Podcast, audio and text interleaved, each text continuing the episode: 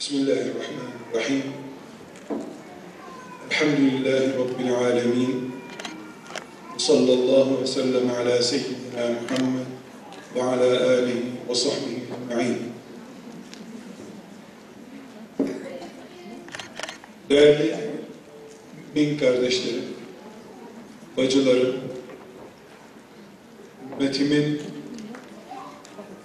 geleceğinin anneleri, ümmetimin iffetinin simgeleri, Havva'nın kızları, Hatice'nin kıyamet kardeşleri, din kardeşlerim, sizinle Erzurum'da böyle bir ortamda buluşmayı, sizinle derdimizi paylaşmayı, davamızı hatırlamayı ve canlı tutmayı nasip ettiği için Rabbime hamd ediyorum.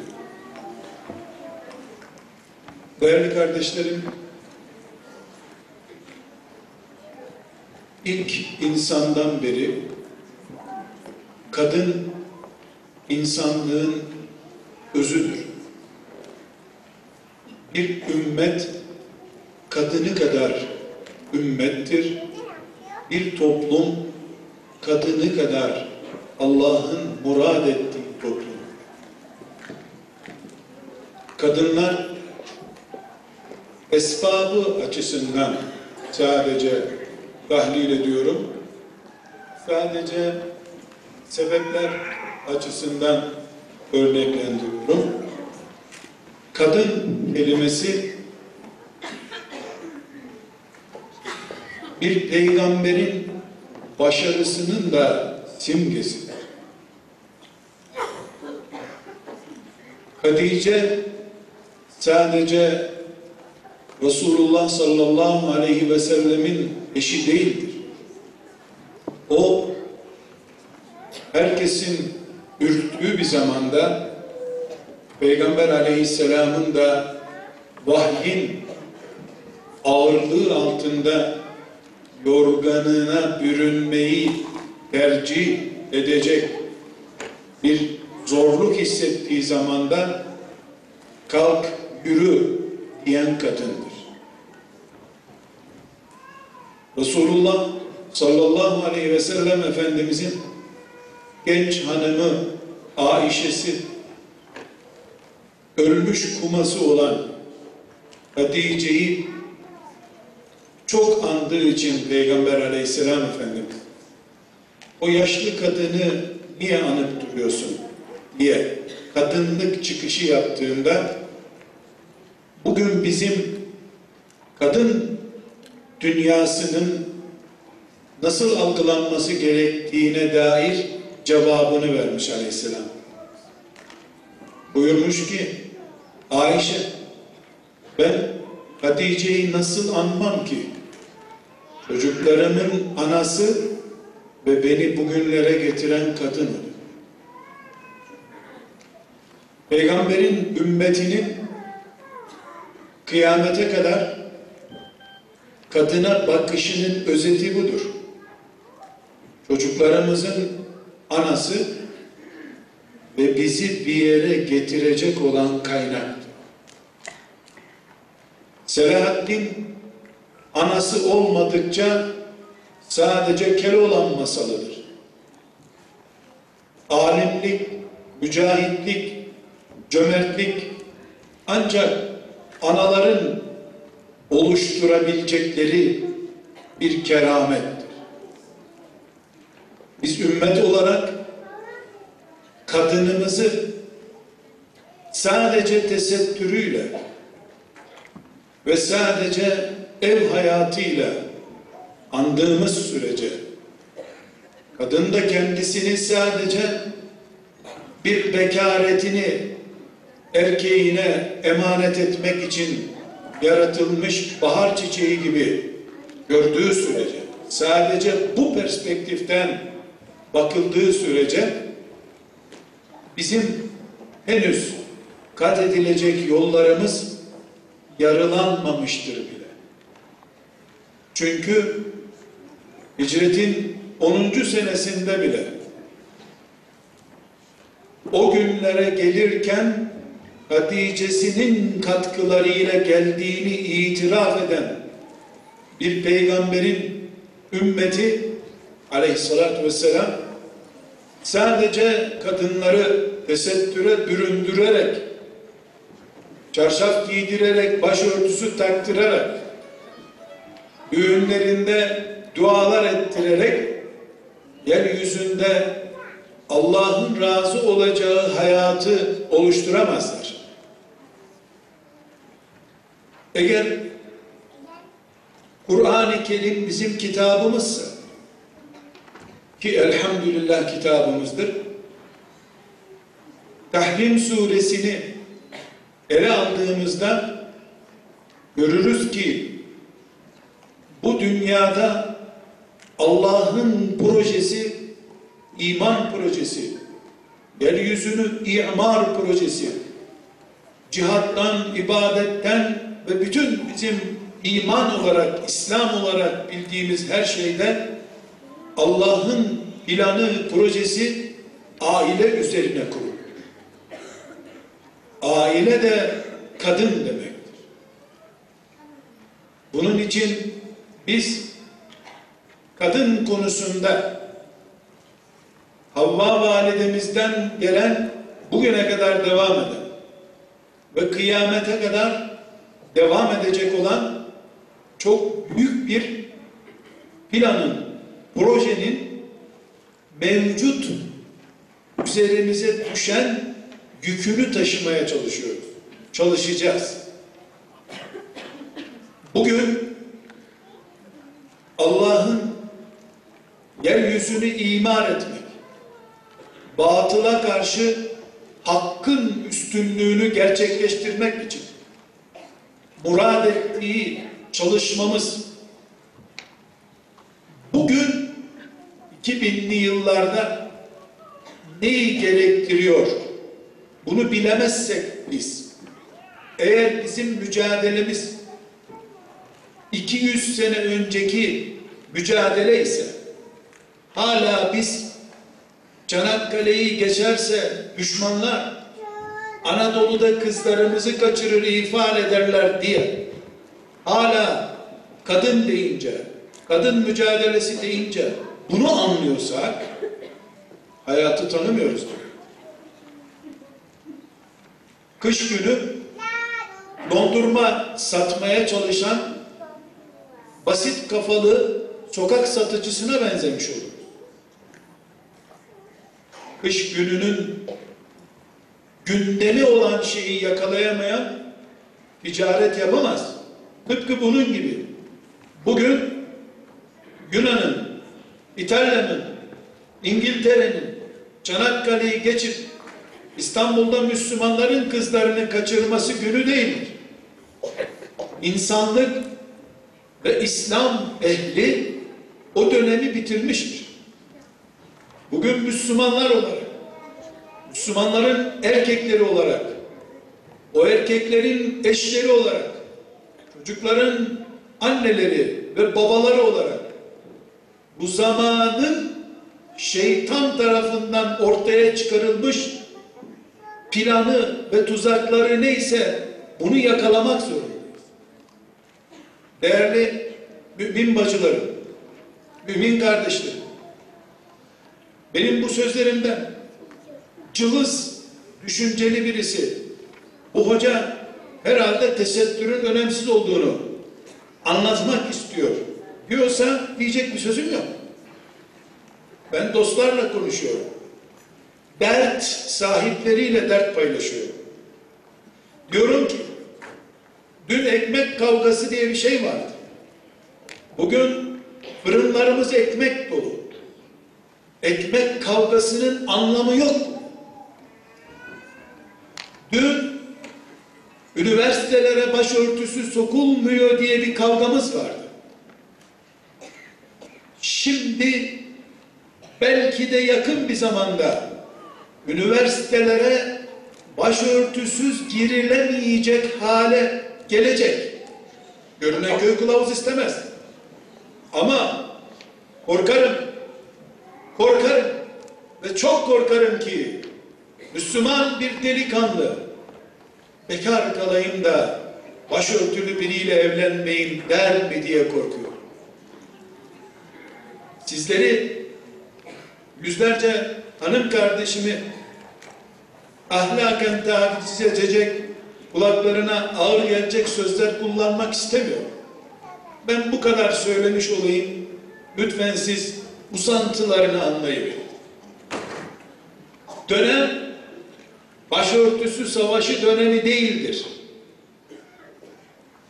Başörtüsü hafif değil elbette. Ama ordular Müslümanların kızlarını kaçırıp kışlalarda esir almak için hiçbir ülkeyi işgal etmiyorlar artık.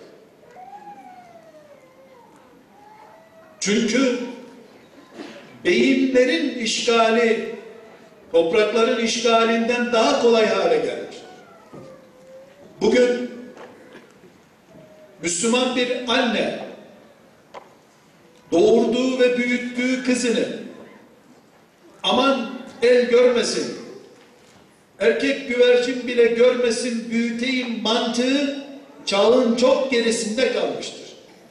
Çünkü şeytan artık projelerini tesettürlü ve tesettürsüz ayrımı yapmadan üretmektedir. Bu zamanın sabrı, cihadı, çalışması da bunun üzerinde. Bunu yakalayamayan aileler yarın tesettüre rağmen okutmalarına rağmen ilmuhal fıkıh bilgisi verdikleri halde ummadıkları evlerinde görmek istemeyecekleri kız çocuklarıyla karşılaşacaklar. Şeriatımız sadece sokaktan geçerken bir kızın yüzüne bakmayı mı haram kılıyor? Erzurum sokaklarında dolaşırken Müslüman bir kıza bakmak haram da Facebook'a konmuş Müslüman kızın yüzüne on binlerce erkeğin bir dakika içerisinde bakması helal mi? Bu çağın savaş taktiğini yakalayamayan ve şeytanın hızına yetişemeyen şeytanın tuzaklarında kıvranmak zorundadır. Mümin şeytanın hızından daha hızlı bir şekilde cihad ettiği zaman galip gelir. Bedir'den dönerken bile büyük cihada gidiyoruz diyen peygamberi ne zaman anlayacağız biz? Bu zamanın savaşı, bu zamanın mücadelesi, şeytanın at koşturduğu yerlerde olmalıdır. Eğer biz hala kış ortasında dondurma satmaya çalışıyorsak iflas edecek bir ticaret yapıyoruz. Erkek arkadaş avuç içine sığacak kadar bir cihaz olmuş da senin paranla çocuğuna ulaşmışsa ve onunla yaptığı görüşmelerin üstelik faturasını da sen ödüyorsan bu çocuğun hafız olması, din bilmesi şeytanın lehine bir kardır. Çünkü şeytan akşam hesap kitap yaparken ne kazandığını hesap ediyordur. Zaten akrabası olan birini kandırmışsa bunu çok kar saymaz.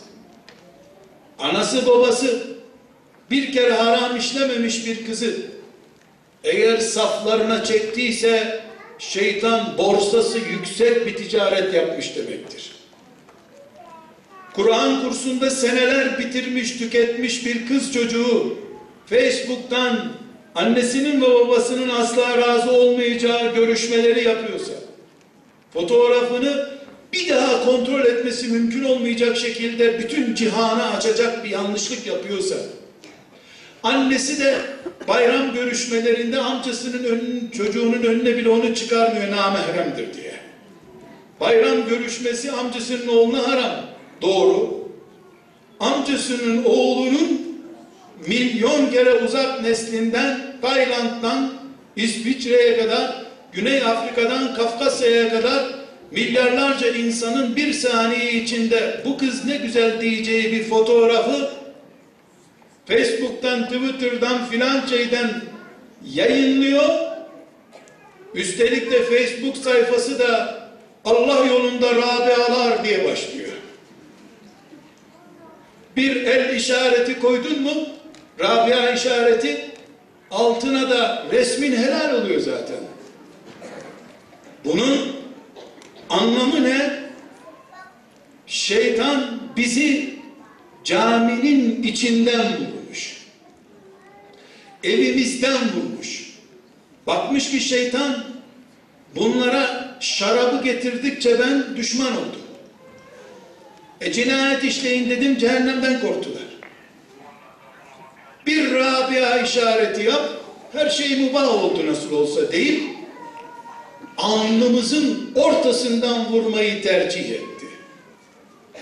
Bu zamanın mücadelesini çarşafının rengi şu mu olsun, bu mu olsun da daraltan, çarşafın rengiyle uğraşırken aynı çarşafın çıplak hissettirecek kadar herhangi bir tesettür sağlamayacak sadece rengi çarşaf diye anılacak halde olup olmadığını düşünemeyecekse eğer biz alnımızın ortasından vurulduk şeytana demektir. Çünkü yeryüzünde Allah'ın muradı filan tür kumaş mıdır? Yoksa kadının cennete girmeden önce hiçbir mümin tarafından kocası hariç hiçbir mümin tarafından görülmemesini sağlayacak bir iffet dünyası kurmak mıdır? Bez parçalarına takılıp kalma yerine davamızı asla taviz vermeyeceğimiz asıl sorunun asıl sorunun şu son iki mesajı vardı ya Aleyhisselam Efendimizin. Bana çocuk verdi ve beni bugünlere getirdi. Bugünlere getirdi. Eğer Nene Hatun diye birisi anılıyorsa ki Allah rahmet eylesin diyoruz. Nene Hatun neyle anılıyor? Erkeklerin kalmadığı yerde, onların şehit düştüğü yerde erkeklerin doldurması gereken boşluğu doldurduğu için anılıyor. Yüz sene sonra Erzurum'un, İstanbul'un, Ankara'nın, Bağdat'ın, Suriye'nin, Kahire'nin tarihi yazıldığında ümmetin erkekleri bile sokaklarda serpuş vaziyette yatıp kalktıkları bir zamanda kadınlar üzerlerine görevleri olmadıkları halde ümmetin iffeti için mücadele ettiler. Kur'an'ı ve Kur'an davasını ayağa kaldırdılar diye tarih yazılacaksa o zaman biz kadınlar olarak bir iş becerdik demektir. Evimize kapanmış olmamız ve bayram görüşmelerinde salavatla tokalaşıyor olmamız bizim için bir başarı değil. Aldandık biz o zaman. Bunun için bacılar, Müslüman kadın şöyle olur diye bir seminer vermiyorum ben size. Bir gerçeği dönüp dönüp tekrar hatırlatmak istiyorum. Ve tekrar da hatırlatacağım.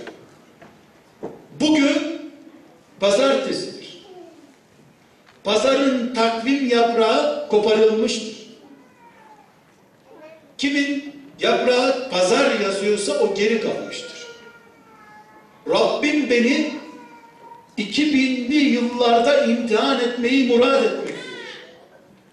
Ben internetin, okul ve diplomanın, telefonun, komşuluğun, lakırtının, medyanın, alışveriş merkezlerinin ve benzeri fitne fucurun ibadetleştirildiği, insanların akraba ziyareti yerine, hasta yakınlarını ziyaret yerine boş vakitlerini alışveriş merkezlerinde geçirdiği bir zamanda yaşıyorum ben. Benim zamanım kavgası yapılması gereken mücadeleler açısından bu zamandır. Bağdat değil burası. Ebu Hanife'nin günlerinde de değilim. Ben beyazla siyahın birbirine karıştığı, renklerin kri olduğu, kimin ne akidesi taşıdığı belli olmayan bir zamandayım.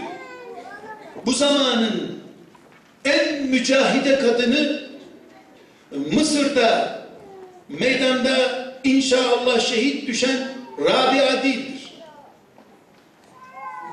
Rabia meydanındaki Esma değildir. Esma tekrarlanması zor ve gerekmeyen, istenmeyen bir örnektir. Oldu bitti Rabbine kavuştu gitti. Hepimiz şimdi cennete girmek için Mısır'a gidip Esma nerede vurulduysa orada durup beni de vursunlar mı diyeceğiz. Esma Kabe mi onu mu tavaf edeceğiz? Her yerde her zaman bütün kadınları bekleyen asıl saldırıyı anlamak zorundayız. Asıl saldırı nedir biliyor musunuz? İmana rağmen Allah var, peygamber var, şeriat var, cennet var, cehennem var iddialarına rağmen, kapkara kıyafetlere rağmen şeytan Kur'an'ı ayet ayet beyinlerimizden sökmeye başladı. Kara kara çarşaflı kadınlar, bol bol kıyafetli kadınlar, Allah'ın açık seçik ayetinin okunduğu bir yerde ama diye konuşmaya başlıyorlarsa bu zamanın savaşı belli olmuş demektir. Şeytan dün çıplaklık mücadelesiyle iş bitirmeye çalışıyordu. Örtülüğü öcü gösteriyordu. Merak etmesin kimse yakında örtülü olmayan ne evlenebilir ne iş bulabilir bu dünyada. Küfrün başı olan Amerika, büyük tağut bile İslam'ın fiziki yükselişinin artık inkar edilemez olduğunu görünce Amerika'nın başına hangi tür bir başkan getirdi? Aslı Müslüman bunun canım, Hüseyin bunun adı diyen bir adam getirdiğini söylemek zorunda kaldılar. İslam Amerika'da bile iktidar olmak için adeta şart hale gelmiştir. Dolayısıyla bundan sonra Müslümanların mücadelesi başörtü mücadelesi değildir. Başların içinde Allah'a teslimiyetin bulunup bulunmadığı önemlidir. İstemem, tavsiye etmem, örnek bulmam şahıs olarak ben. Ama bir mümin kadın Rabbim izin verdiyse erkeğin ikinci, üçüncü, dördüncü evliliği hakkıdır. Ama bunu bana uygulamasını isterim diyebildiği zaman mümindir. Sosyal hak olarak uygun değil. Şöyleydi böyleydi diye Allah'a karşı çıkış yaptığı sürece kara kıyafetin kara kefen olmaktan başka ne özelliği olacak o kadın için? Bir Müslüman kadın başörtülüymüş, çarşaflıymış, pardüseliymiş, ayakkabısı kalınmış, inceymiş. Ne önemi var? Allah'ın kadına takdir buyurduğu mirası uygun bulmuyorsa kendisi için. Neyle imtihan edecek ki Allah başka? Malla sınıyor, şehvetiyle sınıyor. Otoritesiyle sınıyor. Allah'tan kaçıp demokratik, laik bir kanuna sığınan kadının başörtüsü hangi meleği kandırabilir? Acı ama bu zamanın savaşını konuşuyorum. Nene Hatun'un günlerinde de vatanımız gitti, Ruslar geldi bacılar. Hadi gidin dediğinde kolay bir şeye çağırmamıştı hocalar eminim. Ruslara karşı Nene Hatun ölüme gitmişti. Her zaman insanları çağırmak, davet etmek zordur. Nene Hatun'u davet eden davetçi de zor bir iş becermişti. Bu zamanın hatunu olacak. Nenelik vasfını kazanacak. Mücahidelik vasfını kazanacak hanımefendiler de Allah'ın kitabının sadece camilerde okunduğu, peygamberinin de sadece senede bir defa filan çeşit hafta diye reklamının yapıldığı ama şeriatının konuşulmadığı bir zamanda bu zamanın cihadı, dik duran, bu zamanın Hatice'si olan, bu zamanın Aişe'si, Nesibesi olan kadının ne dediyse Allah odur doğru ve güzel olan diyen kadın olduğunu bilmesi gerekiyor. Bu erkeklerin ikinci evliliği olsun anlamına değildir.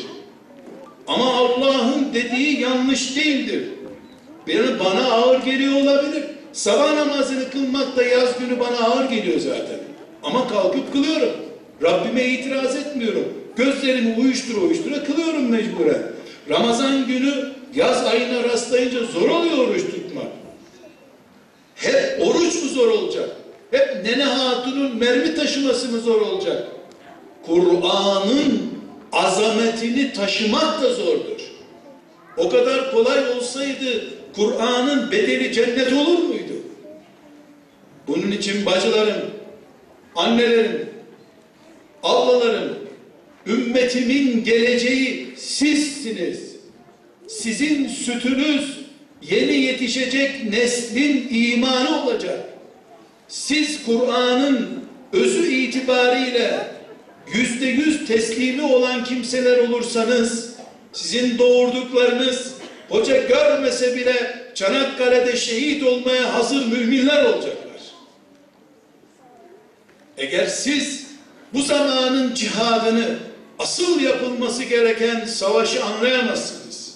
Hala çeyiz biriktirirken Müslümansan yeşil ağırlıklı olur Müslüman kızın çeyizi. Müslüman değilse lacivert olur herhalde. İslam'ı sadece çeyizin içindeki havlunun renginden ibaret zannediyorsak, İslam'ı bir şeriat, hayat sistemi, Müslüman kadının ruh hali olarak anlayamıyorsak vay halimize. Hepimiz kendimizi Hacerleştirebiliriz. Hani Mekke'ye kocası onu getirdiğinde oturup da biz burada ne yapacağız diyen kadını düşünün.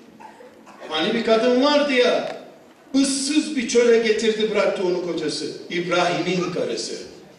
Bir Hacer var bu dünyada. Bir Sare var. Allah Kur'an'da bunu niye anlatıyor? Peygamberi niye bize örnek gösteriyor? Bu kadın İbrahim bizi nasıl bu çöle bıraktın sen? Ne yiyip ne içeceğiz burada biz? Bu bebekle beni burada niye bıraktın sen?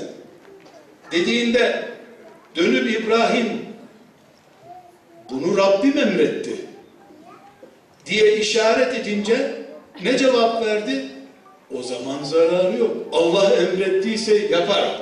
Tamam. Mirasta, tesettürde, ibadette, erkek kadın eşitliği veya üstünlüğü konusunda ve diğer şeriatın ahkamında Allah dediyse haktır diyen kadın bu ümmetin haceridir. Bu ümmetin saresidir. Bu ümmetin nesibesi, Meryem'i, Asiye'sidir Allah'ın izniyle. İsrail oğullarından bir tane Asiye çıktı. Ama bu ümmetin bütün kadınları, kıyamete kadar gelecek bütün kadınları sistem olarak Firavun'un karşısına dikilmeyi becerdikleri zaman yaşayan asiyeler olarak Allah'a kavuşurlar. İsrail oğullarında bir asiye vardı. Bu ümmette milyonlarca kasın asiyelik testinden her gün geçerler. Bu zamanın imtihanı Müslüman kız çocuğu yetiştirmek değildir. Zaten gavur çocuk yetiştirecek halin yok senin. Dünkü hedefte oydu, yarınki hedefte odur. Bugün internet dünyasında bile erimeyen, taviz vermeyen iffet abidesi ve yarına iman taşıyacak Müslüman hücre olan kız çocuğu yetiştirmektir bugünkü imtihanımız bizim. Hücre çocuk istiyoruz. İmanı Allah onun üzerinde yükleyecek, o gelecek kuşağa iman taşıyacak. İman budur, annelik budur, babalık budur, bu zamanın cihadı budur, bu zamanın sabrı budur. Kardeşlerim, şeytan bizimle mücadele ederken binlerce senelik tecrübesini kullanarak mücadele ediyor. Çünkü acemi değil, çaylak değil. Peygamberlerle yarışmaya kalkmış olağanüstü gücü kuvveti olan birisi. Bakınız ne yapıyor? Kendisi 17 yaşında anne olmuş kadına 25 yaşında kızın evlenecek dendiği zaman henüz hazır değil dedirtiyor. Kendisi 25 yaşında dördüncü çocuğa hamileydi. Ölmedi, sakat kalmadı, fakirlik, kıtlık olduğu halde o yıllarda 25 yaşında kızını evlendirtmiyor. 30 yaşında bir kız evlenince çok normal şey- bir şeymiş gibi tebrikler ediliyor. 30 yaşında evlenen kıza geçmiş olsun denir. Kanserden kurtulmuş gibi denir. Çünkü 30 yaşında kız 10 senedir bu ümmet adına nesil yetiştirme görevini ihmal etmiş, cephede geri kalmış suçludur. Resulullah sallallahu aleyhi ve sellem ümmetini kadınlarına emanet edip gitti. Her kız çocuğu 10 sene geciktiği zaman bu ümmetin zaten nesli helak olup gidiyor sağda solda.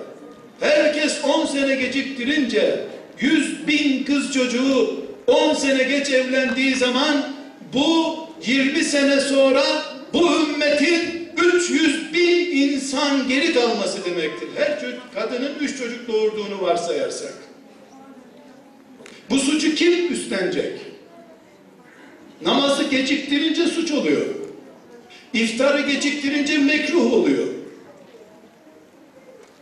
Okuldan iki saat geç, geç gelince suç oluyor. Yaz tatilini geciktirmeye sebep olacak bir hata yapsa suç oluyor. Allah'ın tek planı insanoğlunun iffetli bir kadınla evlenmesidir. Şeytan fuhşu yaymaya çalışıyor. Allah da iffetli kadınların üzerinden ahlak yaymaya çalışıyor. Emrediyor, gayret etmemizi istiyor. 30 yaşında neden evlenmedin? Evet evlenmek farz değil. Ama bu ümmetin kadınlarını ben ikiye ayırmak zorundayım. Sadece namuslu, iffetli, ahlaklı yaşadığı için Allah razı olsun Müslüman kadın, Allah rahmet etsin denecek kadın. Bir de bu ümmetin haceli olan kadınlar. Allah'ın emaneti omuzundadır benim. Bu ümmet bana emanettir. Resulullah'ı mağaradan geldiği zaman aleyhisselam git Muhammed arkandayım diyen kadının uzantısı benim. Bu zamanın Hatice'si benim diyen kadın var bir de. Kadın var, kadın var. Herkes mücahit olmak zorunda değil. Ama bu zamanın mücahitleri bu zamanın savaşını anlayan insanlardır. Köpekleri salmışlar, taşları bağlamışlar. Fuhuş sokaklara düşmüş. Haram diye bir mefhum kalmamış. Evliliğin önüne engel üstüne engel. Bir yandan çocuk ağırlığından fazla çikolata ve ıvır zıvır yediği için 10 yaşına gelmeden aybaşı olmaya başlıyor. Ama evliliğe gelince onun yaşı sürekli ileri gidiyor. Sanki okumak evlenmeye engel gibi. Hem evlerde Allah'ın esma hüsnası yazsın. Allah rezzak. Bütün rızıkları veriyor. Her şeyi Allah yapıyor. Bu kız evlenirse aç kalacak ama evlenenleri aç bırakıyor. Sadece bekarlara rızık veriyor. Ne zamandan beri analar babalar hayat veriyor çocuklarına? Ne zamandan beri anneler babalar rızık garantisi veriyorlar? İşte bu zamanın cihadı, bu zaman yapılması gereken sabır, şeytanın bu tuzağına karşı tedbir almaktır. Hocalarımız bu hatayı işlediyse hocalarımız, aile büyüklerimiz bu hatayı işlediyse aile büyüklerimiz, bu ümmetin evlilik yaşının 30'lara çıkmasının hesabını verecekler Allah'ın huzurunda. Allah yarattı, kapıları açtı, rızkın fazlasını çöplere atar olduk. Bir dilim mısır ekmeği bulup onunla bayram ediyordu dedelerimiz. 7, 8, 9, 10 tane de çocukları oluyordu. Açtan da ölmüyorlardı. Şimdi çocuklarımız e, paket olmayan bir şeyi yemeyecek, analarının pişirdiği yiyeceği bile yemeyecek kadar bolluk ve şımarıklıkta büyüyorlar. Ama evlendiler mi kıtlık oluyor mübarek. Tuzak işte tuzak bu. Bunu Avrupalı anlamayabilir. Afrikalı da kültürsüzlükten anlamayabilir. Ümmeti Muhammed'in hilafet müessesesini milyar Müslümanın sorumluluğunu omuzlarında taşımış bir milletin çocukları olarak bunu biz anlamamayı kendimize affettiremeyiz. Bu zamanın savaşı bunun üzerinden yapılıyor. İsteyen gülebilir. İsteyen de kızabilir. Hakikat mı değil mi buna bakalım. Biz ne ümmetiyiz? Çanakkale iffet için yapıldı. Hani savaşa giden askerlere nasıl gaz veriyorlar? Ananın namusu, kardeş bacının namusu için koş cepheye diyorlar. Şehirlerin caddelerinde de bu sloganın hakkı yok mu şimdi? Hep İngilizler mi saldırınca namus gündeme gelecek? Bu zamanın fitnesi Çanakkale'de yedi düvele karşı namus savunma fitnesi değildir. Çünkü namusa saldıran yedi düveldi. Şimdi yetmiş devlet birleşip bir cep telefonunun içinden çocuğunun gözüne giriyor, damarlarında dolaşıyor. En ahlaklı filmlerde, en iyi televizyon sahnelerinde, en terbiyeli internet sitelerinde bile çocuklarımız evlenmeden önce evlenmiş analarından babalarından daha fazla aile hayatına, yatak odasına dair sırları öğreniyorlar. Bu yüzden de evlenen gençler bir hafta sonra boşanmayı konuşuyorlar. Çünkü boyalı cilalı gördüklerinin aynısı olmayan bir kocayla bir kadınla karşılaşınca bu yanlış rastladı bana diyor. Öbürünün vitrine koyan, konan reklam malzemesi, şov malzemesi olduğunu anlayamıyor. Evlenirken canlar feda, vatan, her şey uğruna ölmekler, altı ay geçmeden de mezarlık arıyor yeni evlenenler. İşte bu zamanın fitnesi bu. Bizim ailemiz kendi elimizde çökertiliyorsa eğer, ve buna biz alet oluyorsak, akidemiz, imanımız, Allah anlayışımız, peygamber anlayışımız, Kur'an anlayışımız haftalara indirgeniyorsa eğer, Resulullah sallallahu aleyhi ve sellem 571'de doğdu filan tarihte öldü, anasının adı bu, babasının adı bu diye oyalanıyorsak eğer, ama onun aile hayatı gibi bir ailemiz olsun diye, onun gibi koca olalım, onun hanım, hanımları gibi, kızları gibi aile olalım diye bir mücadele yapmıyorsak kendi kendimizi aldatıyoruz. Kış günü dondurma satmaya çalışıyoruz. Kış günü dondurma yiyerek serinlenmeye çalışıyoruz. Her yer buz zaten. Senin dondurman ne işe yarayacak? Sıcak bir çay zamanında dondurmanın rağbeti olmaz. Bacılarım, Kardeşlerim, hakikat acı olabilir. Üzerimizde yük var. Ama Müslüman kadını ikiye ayırdım. İman edeyim, cennete gideyim. Selamun aleyküm. Aleyküm selam. Ben çekirdek kadınım. Bütün insanlık bitsin ben buradayım diyen Asiye var bir de. Saraylar senin olsun Firavun. Ben Rabbimde bir oda istiyorum cennetten diyen kadın var bir de. Bacılarım, bu zamanın sabrını bir örnekle daha zikretmek istiyorum. Bu zamanda en büyük düşman herkesin kocası ve herkesin karısı olur hale geldi. Artık aşiret kavgalarına gerek kalmadı. Evde kadın var zaten. Eltiye, görümceye hiçbir gerek kalmadı. Koca var zaten. Bir ev ki Allah kendisine iman edenlere bunalınca, strese girince gidin hanımlarınızın yanına diyor. Onun için yarattık onları diyor. Ama erkekler hanımları anılınca sigaraya sarılıyorlar.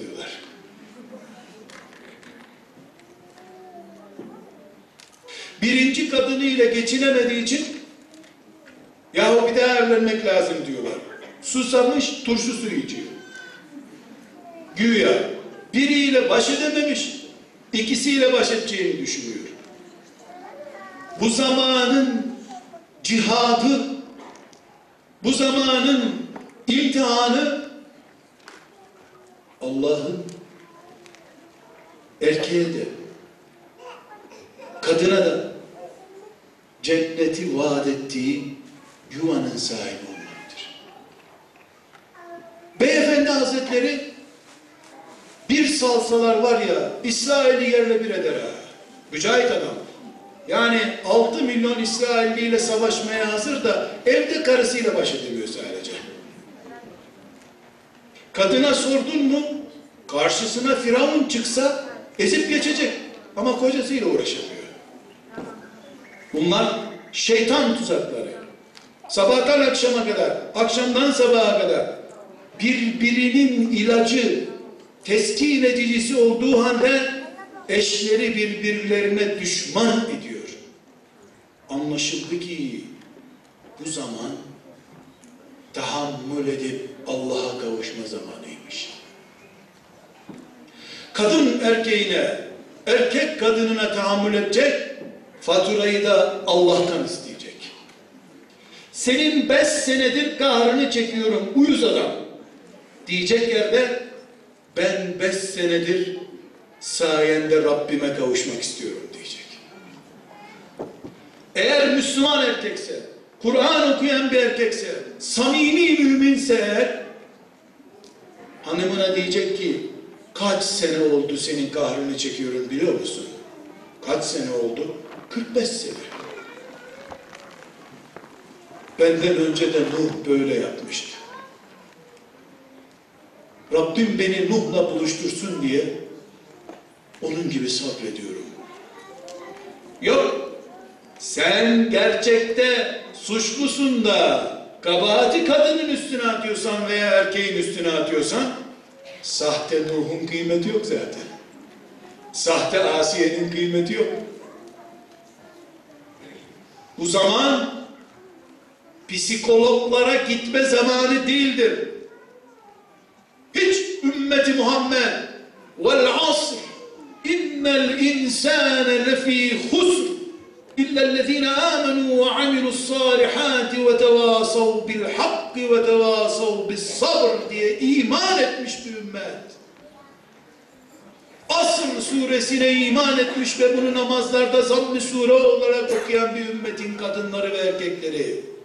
Aile danışmanlığına gidip de al şu 300 lirayı bana kocamı idare etmem gerektiğini söylesene der mi? Bu kadar gülüşlük olur mu?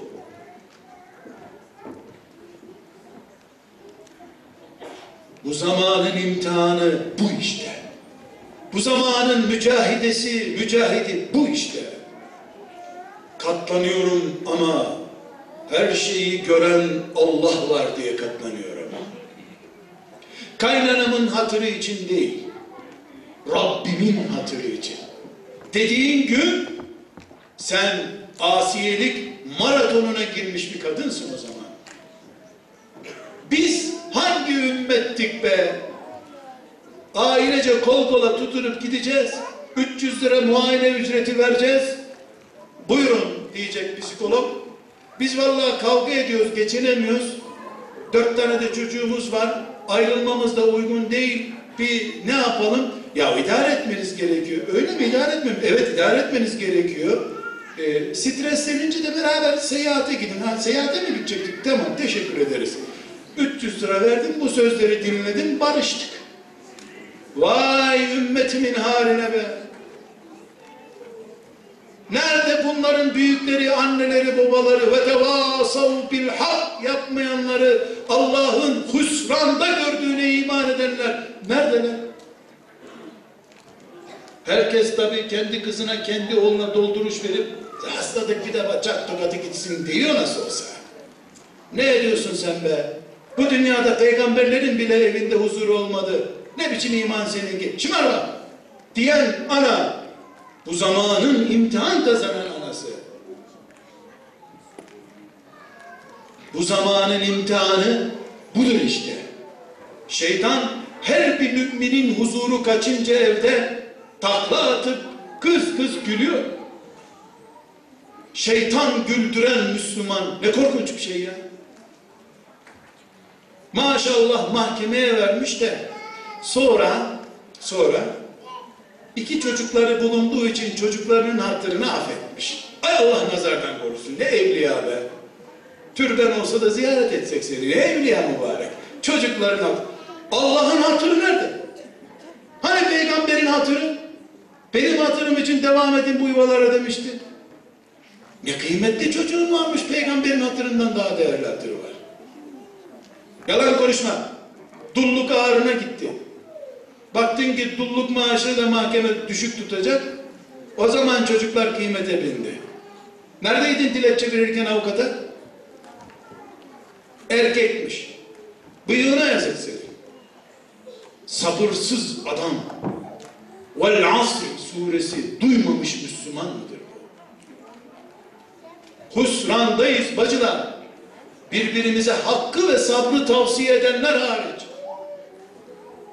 Bu nedenle hiç kimse Kudüs diye bir davayı maske olarak kullanmasın. Yahudi diye bir menfi propaganda yapmasın. El alem, yer gök Yahudinin şirretliğini biliyor zaten. Kudüs'ün esir olduğunu ben de biliyorum. Çocuklar da biliyor. Kudüs senin evindir. Son kalesiydi bu ümmetin o ev zaten. Son kaleye düşman girdi. Şeytan cirit atıyor. Sen Kudüs mitinglerine katılıyorsun. Geri gel, o mitingi evdeki oturma odasında yap sen. Bu eve iblis girmeyecek. Kan kusacağım, kızıldık şerbeti içtim diyeceğim de. Şeytan umut kessin senden. Demek ki bacılarım, Müslüman olarak sadece Müslüman olup gidelim, gerisini Hazreti Ömer düzeltir zaten diyorsak mesele yok. Hazreti Ömer düzeltir gerisini. Ama bu davanın çilesine talipseniz, ümmeti Muhammed'in tarih yazan kadını olarak yazıp yaşayıp gitmek istiyorsanız eğer, o zaman yük alacaksınız. Bu yük nedir? Şeytan nerede gedik açıyorsa orayı kapatmaktır. Ne yapıyor şeytan? Evlenmeyin, gözünüz dışarıda olsun diyor. Siyasetimiz ne olacak? Evleneceğiz, gözümüzü evimize dikeceğiz. Şeytan şımarık nesiller yetiştiriyor. Her dediği olacak mübareğin. Alimallah evde çek yatın üstünden bile düşse çocuk itfaiye çağıracak kaldırmak için. Çocuk düştü. Zannedersin dört kattan düştü. Çek yatın altta düşmüş çocuk. Çocuk ağlamıyor, anne ağlıyor, çocuk düştü. Şımarık, her dediği olan gelecek Mesih sanki mübarek. Böyle enteresan bir çocuk yetiştiriyoruz. Sonra yemek beğenmiyor çocuğumuz. Sonra elbise beğenmiyor. Bir ayakkabıyı üç hafta üst üste giymiyor. Bir kadınla da üç sene üst üste yaşamıyor. Şımarıklık, beğenmemişlik ve terbiyesizlik aile hayatında da var. Nesil yetiştirmek demek ki bu zamanın cihadı. Kim yetiştirecek bu nesli? Cami imamları mı? Sen doğur cami imamı yetiştirsin olur mu bu? Kim süt verdiyse imanı da o verecek. Hiçbir hocanın yapacağı bir şey yoktur. Süt emziren akideyi de kafaya sokacak. Geri iş ilimleri hoca efendiler verecek. Şımarık, tahammülsüz evladı olan bunu açıklamalıdır. Oğlum 23 senedir hizmetini yaptığım halde bana bile baş kaldırıyor. Kızınıza ne der bilemem demelidir. İtiraf çünkü mümini kandırmak hainliktir. Emin olmak zorundayız. Emaneti olmayanın dini yoktur. Sadece senin cep telefonunu alıp kaçırmak mıdır emanete hıyanet etmek? Ben sana bu şekilde bir oğlum var. Kızını verir misin dediğimde kızının bütün boyalarını dökülmüş olarak bana göster. Boyanmış kız verme bana. Oğlum İmam Hatip mezunudur, hafızdır, şudur budur ama babasının arkasından konuşacak bazı ahlaksızlıkları var de kayınpederini tekmeleyeceğini şimdiden anlayayım ben. Niye birbirimizi kandırıyoruz? Nerede emin vasfımız bizim? Bu zamanın imtihanı nedir? Onu konuşuyorum. Bacılarım, tesettür basittir demedim. İmandır dedim. Ama imanın altı maddesi var. Birini geçtik öbüründe takıldık biz. Hayat sadece ekmek yemek midir? Herkes bir evimiz olsun diye uğraşıyor. Allah kabul etsin. Bir evin olduğu. Ne yiyeceksin evde şimdi? Nasıl ısınacaksın? Demek ki hayat sadece evin olması demek değil. Bin bir ihtiyaç var. Aynı şekilde Müslümanlık sadece tesettür değildir. Bir toplantıya katılmak, peygamber için mevlüt okutmak değildir. Bu bir emanet. Bu emaneti kıyamete kadar taşımak zorundayız biz. Bu yaşadığımız günlerin fitnelerinden söz ettim. Bu fitneleri anlayan alimdir. Bana İbrahim'in oğlunu nasıl kestiğini, bıçağın ne kadar kör olduğunu, çocuğu zorladığını, ondan sonra meleklerin bir koç getirdiğini anlatıyor. Maşallah ne ilim be! 20 bayramdır burada namaz kılıyoruz, 20'sinde de bunu bana anlatıyorsun sen. Bir kes kes bitmedi bu İsmail ya. Ne kal- kalın kafası varmış, her sene kesiliyor gene dinliyor. İbrahim'in, İsmail'in başka bir dersi yok mu?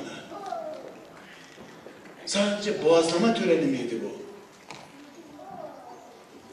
Bir çocuk ve bir baba kol kola Allah'a nasıl gittiler bunu anlasana hoca efendi. Kendisi camiye çocuğunu da arkadaşlarıyla oynamaya gönderen babaların İbrahim ve İsmail'den uzak bir dünyada yaşadıklarını niye anlamıyorsun? Herkes yaşadığı zamanla imtihan olacak. Benim zamanımda Ebu Cehil yok. Benim zamanımda Übey ibn Halef yok. Moğol baskını yok. Amerikan işgali, orduları yok. Ama Amerikan kafası ordusundan daha seri bir şekilde işgal ediyor beni. Muharref Hristiyanlık gibi uyduruk bir İslamlık ortaya çıkarmaya çalışıyorlar. Bismillahirrahmanirrahim deyip ayet okuyorsun. Hayatında doğru dürüst bir sayfa Kur'an okumamış biri eli şakağına koyuyor. Vallahi bana göre diye konuşmaya başlıyor. Allah konuşuyor. Züppe bana göre diye cevap veriyor Allah. Bir de bunu cihat adına yapıyor. İlkokuldaki öğretmenini görünce ceketini düğmeliyor. İmam-ı Azam dedin mi ayak ayak üstüne atıyor. Demek ki bu zamanın imtihanı değişmiş. Ben hala nasıl şu renk mi bu renk mi diye takılırım? Şu okul mu bu okul mu diye niye takılırım? Bacılarım son cümlem de şudur. Bu zamanda gıdamız doğallığını kaybetti. Mısırından buğdayına kadar her şeyi değiştirdiler.